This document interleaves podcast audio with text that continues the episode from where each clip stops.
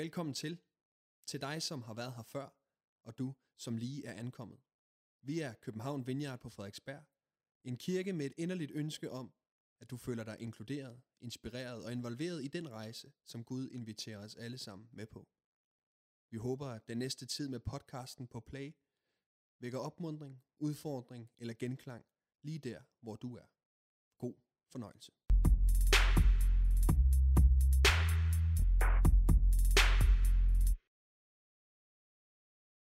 Yes. I må meget gerne finde en plads til at skubbe kaffe med, og sætte jer godt til rette.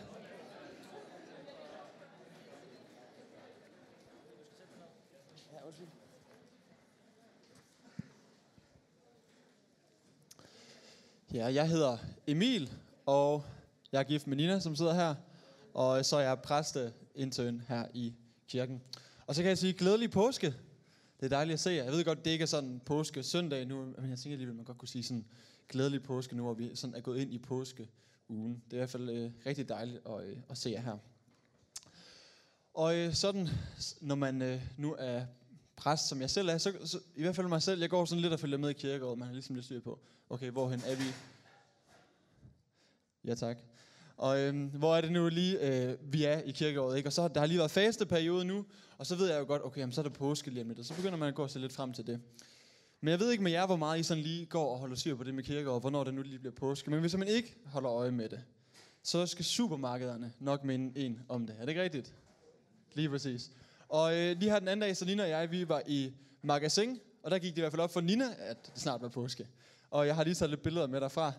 Det var, at de har lavet en ny øh, chokoladekollektion, Season of Sin, fra øh, magasin. Øh, Happy Easter selvfølgelig, og så chokolade, man kan enjoy after last supper. Jeg synes, det var lidt sjovt, og øh, tænk, at man kan kommercialisere synd og lave forretning på det. Og jeg tænkte, altså, øh, hvis synd det er at spise mere chokolade, så tror jeg, at jeg skal synde rimelig meget her i påsken i hvert fald. Nej, hvad hedder det? Så påske, hvad er det egentlig for noget? Øhm, for nogen så handler det bare om spise mere chokolade, have lidt påskefrokoster, have lidt mere ferie. Men for os her i kirken, hvis vi ser lidt dybere ned i det, så er det vores grundlag for overhovedet at eksistere.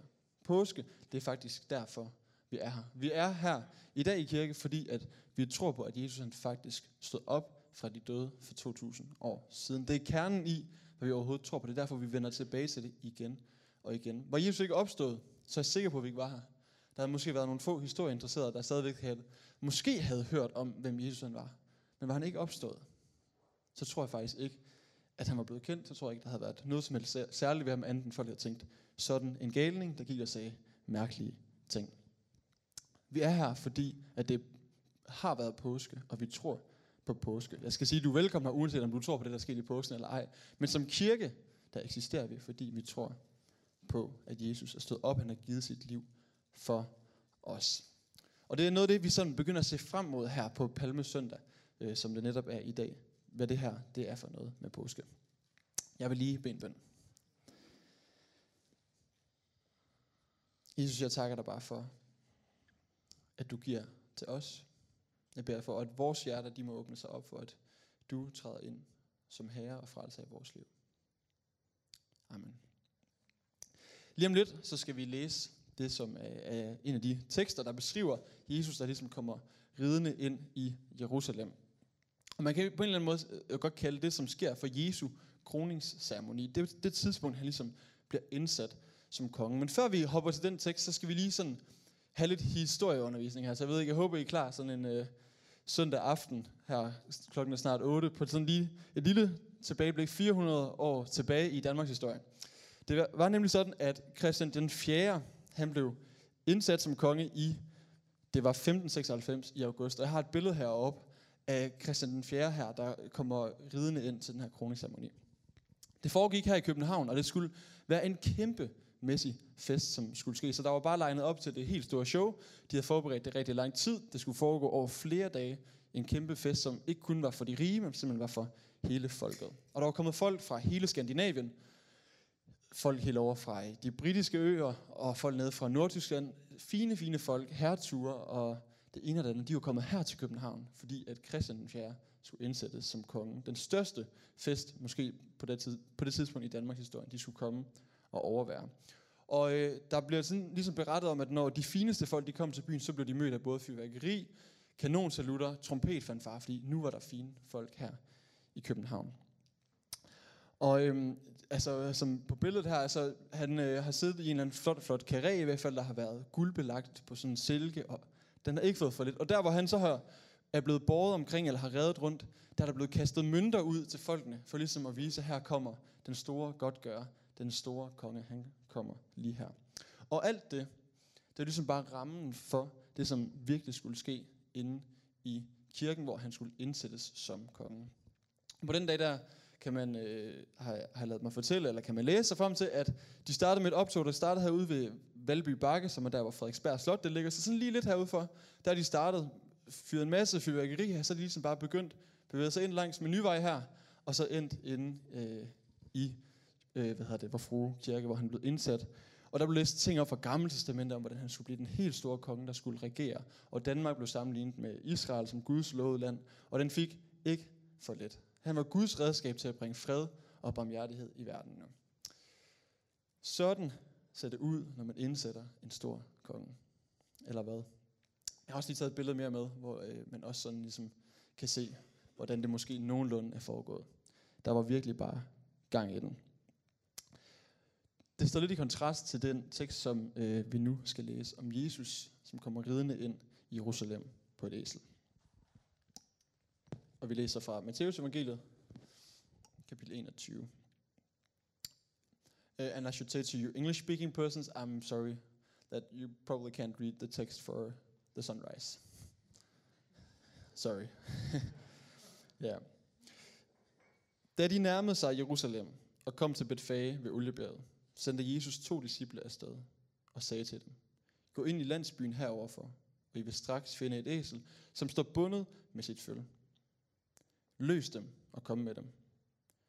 Og hvis nogen spørger jer om noget, skal I svare. Herren har brug for dem. Men vil straks sende øh, dem tilbage. Det skete, for at det skulle opfyldes, som det er talt ved profeten, der siger, Se til Sions datter, se din kommer, konge kommer til dig, sagt modig, ridende på et æsel og på et trækdyrsføl. Disciplerne gik hen og gjorde, som Jesus havde pålagt dem. De kom med æslet og følget og lagde deres kapper på dem, og han satte sig derpå. Den store folkeskar bredte deres kapper ud på vejen. Andre skar grene af træerne og strød dem på vejen. Og skarne, som gik foran ham, og de, der fulgte efter, råbte, Hosianna, Davids søn, velsignet være han, som kommer i Herrens navn. Hosianna i det højeste. Da han nåede ind i Jerusalem, blev der røre i hele byen, og folk spurgte, hvem er han? Og skarne svarede, det er profeten Jesus fra Nazareth i Galilea. Det her tidspunkt, hvor at Jesus han her kommer ridende ind i Jerusalem, det var midt i det, som var jødernes øh, helt store højtid også. De kaldte det også påske, ligesom vi kalder det nu. Og det, som de ligesom brugte påsken til, det var at se tilbage på, hvad Gud havde gjort i historien. At Gud han havde udfriet israelitterne fra Ægypten i slaveriet og brugt Moses til ligesom at sætte dem fri på et tidspunkt. Og det var ligesom deres fælles fortælling, det de mødtes om, det de blev ved med at minde hinanden øh, om. Og der kom de så til Jerusalem for at fejre det her inde ved templet. Et andet aspekt ved påske for jøderne, det var, at de faktisk også brugte det som en mulighed til at se fremad, til at håbe og drømme. Håb på, at der en eller anden dag vil komme en ny Moses, en som på ny vil udfri dem fra det fangenskab, som de på det her tidspunkt også var i. Det var nemlig sådan, at på det her tidspunkt, der havde romerne besat øh, Israel, så de var ligesom i fangenskab. Så de håbede, at der måtte komme en eller anden befrier snart, og ligesom skulle hjælpe dem ud af fangenskabet. Og så er det jo netop her, at Jesus han kommer ind i billedet. Jesus han har på det her tidspunkt gået rundt i området omkring øh, Jerusalem i nogle år. Han har helbredt mennesker, og faktisk lige op til det her kan vi læse i Johannes evangeliet, at Jesus han har oprejst Lazarus fra de døde. Og jeg tænker, den forventning, der ligesom er steget i folket, okay, der er en eller anden her, som taler om Guds rige, og han vækker folk fra de døde. Hvad er det lige, der foregår? Hvad i alverden kan vi mon egentlig bruge ham til? Så det er ligesom det, der er, er i røre her på det her tidspunkt, hvor Jesus han kommer til Jerusalem. Og folket her har en hel masse forventninger til Jesus. Og der er tre ting, som vi særligt ser de her forventninger udtrykt i. Tre ting, de gør. Den ene ting, det er, at de ligger, eller tager kapperne af og lægger dem på jorden. Og jeg tænker sådan, i øh, Mellemøsten, hvor det er rigtig tørt og meget sådan sandet, og man har måske endda kun haft én kappe eller to kapper, og tage sin kappe af og lægge den på jorden, har altså virkelig været lidt af et statement. Det er ikke bare noget, man sådan lige kom til øh, at gøre, at der er en, der skulle træde hen på den, og den bare er blevet beskidt. Det er virkelig et udtryk for erbødighed. Og faktisk, hvis man øh, var jøde, så læste man gamle testamenter, så kunne man læse, at på et tidspunkt, så er der en konge, der hed Jehu, som blev indsat øh, som konge i Israel. Og da han blev indsat, der gjorde folk det helt sammen. De tog deres kapper af, lagde dem ned foran ham øh, på en trappe, som han ligesom gik ned og trådte oven på deres kapper for at vise, du er vores konge. Så når folk gør det her, så får at sige til Jesus, vi vil have dig som konge. Du skal være konge for os som folk. En anden ting, de gør, det er, at de skærer grene af træer. Øh, andet sted står der palmegrene, øh, og så vifter de med dem og lægger dem ligesom på jorden foran Jesus. Og det har også noget at gøre med noget, der var sket nogle år for inden. Der var det nemlig sådan, at Israel også var belejret, men det var et, et, et andet folk end romerne. Og på det tidspunkt, så kommer der så et oprør, hvor det faktisk lykkes for øh, israelitterne, og, eller for det jødiske folk, at nedkæmpe den her besættelsesmagt. Og ham, der så var leder for dem alle, han hed Judas Maccabeus. Og øh, da de ligesom har fået smidt de her folk ud, så kommer han også ridende til Jerusalem. Og der tager folk netop de her palmegrene, lægger dem ned foran ham, og erklærer, du er vores konge. Du har befriet os, og derfor er du vores konge. Og det blev han faktisk også. Så det er det, de siger til Jesus. Jesus, du skal smide romerne ud for os. Grib til svær. Vi er klar til at kæmpe sammen med dig. En tredje ting, de gør, det er det, de kalder ham. De kalder ham Davids søn. David, han er den største konge, som der har været i Israel. Han byggede selv Jerusalem, og de kalder Jesus for Davids søn. Jesus, kom og byg det her rige. De, kalder, de siger endda, den som kommer i Herrens navn, som sådan ting i Gamle Testamentet, der går igen og igen, som ligesom peger fremad, der skal komme en messias, en person, som skal frelse, som skal sætte fri, som skal bringe et nyt rige her på jord. Der var masser af forventninger til Jesus. Alle de mennesker her, som stod og viftede og lagde kapper på jorden, jeg tror godt, de vidste, hvad det var, der foregik. De havde noget, som de ville bruge Jesus til. De havde deres egen agenda, som de kunne bruge Jesus ind i. Han passede perfekt ind i det, som de gik og håbede på. Men historien i påsken, eller historien Palmesøndag, det er en anden historie. Det er ikke en historie om, at Jesus han kommer som en ny kong Jehu, som en ny Judas Maccabeus, som en eller anden Christian den 4., der går og kaster med guldmønter, og bliver, ja, ligesom viser, jeg er den konge, der bare regerer, og nu skal jeg nok nedkæmpe alle de andre. Det er ikke sådan, Jesus han kommer ind. Han kommer ridende på noget så grimt som et æsel. Og der er endda et æselføl. Og jeg forestiller mig, at den ikke har været særlig høj. Jeg ved egentlig ikke så meget om æsler, men jeg, jeg kan bare godt lige forestille mig, at den har været ret lav, og Jesus han ikke engang har haft, altså hans fødder ligesom har slæbt sig hen af jorden. Ikke? Altså det har, næsten, det har set helt forfærdeligt ud. Og så ham, der skulle være konge, så kommer han der på sådan et skød æsel ridende der. Hvad foregår der? Det, som Jesus han gør, det er på en eller anden måde en parodi. En parodi på, hvordan det er når en konge kommer. Han vender fuldstændig op og ned på det. Han gør absolut det modsatte af, hvad Christian den 4. han gjorde. Og endnu mere, da Jesus han kommer ridende her ind i Jerusalem, så ved han, at han kommer for at overgive sit liv. Han ved, at det er en overgivelse. Han ved, at han kommer herind, ikke for at regere som folk har tænkt, men for at dø på et kors, for at blive henrettet. Og han vidste det udmærket godt. Han har forsagt det flere gange og fortalt sine disciple det øh, at jeg skal dø, når jeg faktisk kommer til Jerusalem. Folk, de skal slå mig ihjel. Og det er som om, at det, det giver ikke rigtig mening, vel? Disciplerne her, for dem, det gav ikke mening. Det var ikke sådan en slags konge, de troede, de gik rundt sammen med. De kunne simpelthen ikke forstå det. På et tidspunkt, lige faktisk, inden at Jesus træder øh, ind her palmesøndag, søndag, der er der to disciplernes mor, og jeg vil kalde hende en rigtig helikoptermor. Hun har nemlig rigtig gode intentioner for sine to drenge om, hvad de ligesom skal. Så hun tager ligesom sagen i egen hånd og vil ligesom lige vise Jesus, hey Jesus, prøv, prøv, prøv nu at se, øh, hvis du lige gør sådan og sådan og sådan, så kan du give mine to sønner en god plads. Øh, vi kan lige læse det her, hvad hun gør. Hun er kommet hen øh, til Jesus og har spurgt, giv min øh, drenge en god plads i dit rige. Og så øh, spørger Jesus hende, hvad vil du? Hun sagde til ham, sig at mine to sønner her må få sæde i dit rige, Den ene ved din højre, den anden ved din venstre hånd. Og Jesus svarede, I ved ikke, hvad I beder om. Kan I drikke det bære, jeg skal drikke? Og så var de to disciple nu, ikke bare deres mor. Ja, det kan vi, svarede de. Så de var klar. De var klar til at gå langt for deres egen ambition. De havde noget, de kunne bruge Jesus til. De ville gerne have de her fine ministerposter i det her nye rige, som ligesom skulle til at bygges. De havde store intentioner om, hvad det var, der skulle til at ske. Sådan var det med folket, de havde forventninger. Disciplerne havde forventninger til Jesus. Og sådan tror jeg også godt, at vi kan have alle mulige forventninger til Jesus. Jeg kender i hvert fald fra mit eget liv, at jeg hurtigt kan få sådan en, hvad kan jeg bruge det til, tilgang, når det kommer til Jesus? Hvad kan jeg lige bruge Jesus til lige nu? For eksempel i dag må jeg være ærlig at indrømme, at jeg kom til at bede for, at Liverpool måtte vinde over Manchester City. Jeg ved godt, det ikke var så formt gjort. Og det hjalp heller ikke. Øhm, øh, nej, jeg kan hurtigt komme til at bede ud fra, hvad kan jeg lige bruge Jesus til i dag? Og det kan også være på de dybere ting, ikke? Når der kommer krig som nu, så beder vi pludselig alle sammen, kom og skab fred, Gud. Og det er en god ting, at vi beder det, tænker jeg.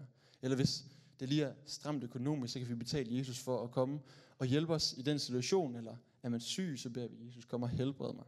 Er man ked af det, trøst mig. Det kan være alle mulige ting. Er der eksamenspres, så beder vi om Jesus, må det ikke gå godt. Min egen bønder i hvert fald er rigtig ofte styret efter behov. Efter det, jeg lige sådan går og mangler. Det er ligesom folket her, ikke? De sang, Hosanna frels os. De havde et behov. De længtes efter en, en herse, der skulle komme på den måde. Og det er sådan, kan jeg også godt komme til at have det. Jesus gør lige det, som lige passer for mig. Og Jesus, han elsker, og det vil jeg gerne understrege, han elsker, når vi henvender os. Uanset hvad vi henvender os med. Om det så er ting, der er selviske, om vi har dårlige motiver i det, vi bønder om, om vi har dårlige motiver i det, vi beder om, om det er, at Liverpool må vinde over City. Jesus, jeg tror simpelthen, han, han glæder sig stadigvæk over, at vi kommer til, os, til ham. Og det må vi ikke stoppe med. Vi må ikke stoppe med at give udtryk for vores behov, for vores bekymringer for Jesus. Men historien her på Søndag er bare en anden. Det er, at Jesus ikke møder folkets forventninger. Eller man kan sige, at han møder dem på en anden måde. Han møder folkets forventninger, han svarer på en måde, der er meget dybere, meget bedre og meget stærkere, end de overhovedet havde regnet med. Han giver sit liv. De råber til ham, frels os. Hosianna betyder frels dog. Han svarer på den bøn ved at give sit liv for dem. Det tror ikke, der var en af dem, der havde regnet med, at det var så meget, han faktisk ville frelse dem. At det var så meget, han ville dem. Og det gælder for de mennesker, der stod og råbte Hosanna. Og det gælder for de mennesker, som måske ikke gad at bøje sig ned for nogen som helst. Og det gælder for de mennesker, som råbte Hosanna, og få det efter vil råbe korsfest ham. Det, alt det der, det vidste Jesus. Og alligevel så valgte han sige, jeg giver mit liv for jer. Ikke ved at gribe til svær. Ikke ved at være ham, der er den seje konge, der bare regerer. Men gennem svaghed. Ved at give mit liv, ved faktisk at blive henrettet. Det er sådan en Gud, som vi tror på. Og øh, for at vende tilbage til det her med Zebedeus søndernes mor, som kom og stillede det her spørgsmål til Jesus om, giv mine drenge de her gode ministerpladser. Der svarer Jesus sådan her. Han kalder sådan lige bagefter det, kalder han sin disciple sammen, så siger han, I ved, at folkenes fyrster undertrykker dem, og at stormændene misbruger deres magt over dem. Sådan skal det ikke være blandt jer. Men den, der vil være stor blandt jer, skal være jeres tjener. Og den, der vil være den første blandt jer, skal være jeres træl. Ligesom menneskesønnen ikke er kommet for at lade sig tjene, men for selv at tjene og give sit liv som løsesum for mange. Det er simpelthen det, det handler om Palmesøndag. Det er det, det handler om i påsken, at Jesus han er konge, men han er det på en anden måde. Han er konge ved at tjene. En tjenende konge, der giver sit liv for os. Og det er min bøn den her palmesøndag. Det er min bøn i mit eget liv, at Jesus vil ikke bare komme og skabe påske i mit hjerte. Og hvad vil det sige, at der kommer påske i mit hjerte? Det er på en eller anden måde, at Jesus får lov at komme, får lov at komme ind i mit liv. Skabe fred i mit hjerte. At jeg kommer til at leve i vidstheden om, at han har givet sit liv for mig. Og han er glad for, at han gjorde det. Og han jubler over mig. Og det tror jeg faktisk, det kan være vores alles bøn. Jesus, kom og skab påske i vores hjerter. Kom og giv os en vidshed om, at du virkelig elsker os. Og det synes jeg, det er noget af det, som påsken virkelig bare kan vise os, at Gud er for os, at Gud han vil os, Gud han vil virkelig mig. Han giver sit liv, og han vinder over døden. Der er en øh, salme i, øh, i salmebogen, som jeg øh, godt kan lide, som har sådan en palmesøndag tema. Øh, jeg tror, den er skrevet faktisk til palmesøndag. Og jeg, jeg fik bare lige lyst til at læse to vers op øh, derfra, som lidt sætter ord på den her bøn. Gør døren høj, gør porten hvid. Den ærens konge kommer hid. Han hersker over alle land og al verdens frelsermand. Og så kommer vers 6, som er det bedste, synes jeg. Jeg hjertets dør vil åbne dig. O Jesus, drag dog ind til mig. Ja, ved din nåde lad det ske, at jeg din kærlighed må se. Det er min bøn den her palmesøndag, at Jesus må skabe påske i mit hjerte. Det vil sige, at jeg lever i Guds kærlighed. Vidstheden om, at jeg er sat fri. Og det med at tro, det ikke er en fortjeneste, så vil det være frelse gennem, altså hvis, frelse, hvis det handler om frelse gennem gode gerninger, hvis vi bliver tilgivet gennem gode gerninger, så er det netop for de stærke, for dem, som har styr på det. Og Jesus viser en helt anden vej, at frelse det er gennem modtagelse, fordi det er ham, der giver. Og det er ham, vi får lov at tage imod fra. Og det er måske også noget af det, som faktisk kan være svært, synes jeg, ved evangeliet. At det handler om at tage imod. Fordi i det at tage imod, så har jeg også brug for at erkende, at jeg faktisk har brug for en frelser. Jeg har faktisk brug for en, som kan redde mig.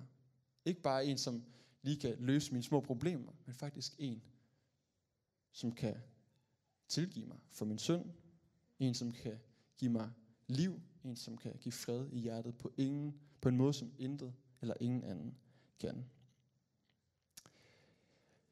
Et sidste aspekt, jeg lige har lyst til at fremhæve ved Palmesøndag, det er også det her med at give sit liv til Jesus. Overgive det hele til ham. Det her, de her folk, de lagde deres kapper ned. De lagde palmegrene ned. De råbte alle mulige ting af Jesus i hengivelse til ham. Og de vidste ikke engang, hvor god han var. De vidste ikke engang, hvor meget kærlighed der var. Og alligevel, så tilbad de ham. Alligevel, så lagde de ting ned for ham. Hvor meget mere, tænker jeg så bare, må jeg, må vi så ikke give vores liv til Jesus? For han vil os virkelig godt. Han har så meget at give. Og fordi han giver, så giver jeg mit liv til ham i respons. Tak fordi du lyttede med. Vi håber, at du går herfra med mod og nye tanker. Er du interesseret i mere fra København Vineyard, kan du finde os på Facebook, Instagram eller på vores hjemmeside. Du er altid velkommen forbi kirken på Nyvej 7 på Frederiksberg, både til gudstjeneste om søndagen eller i løbet af ugen. Guds fred og velsignelse til dig.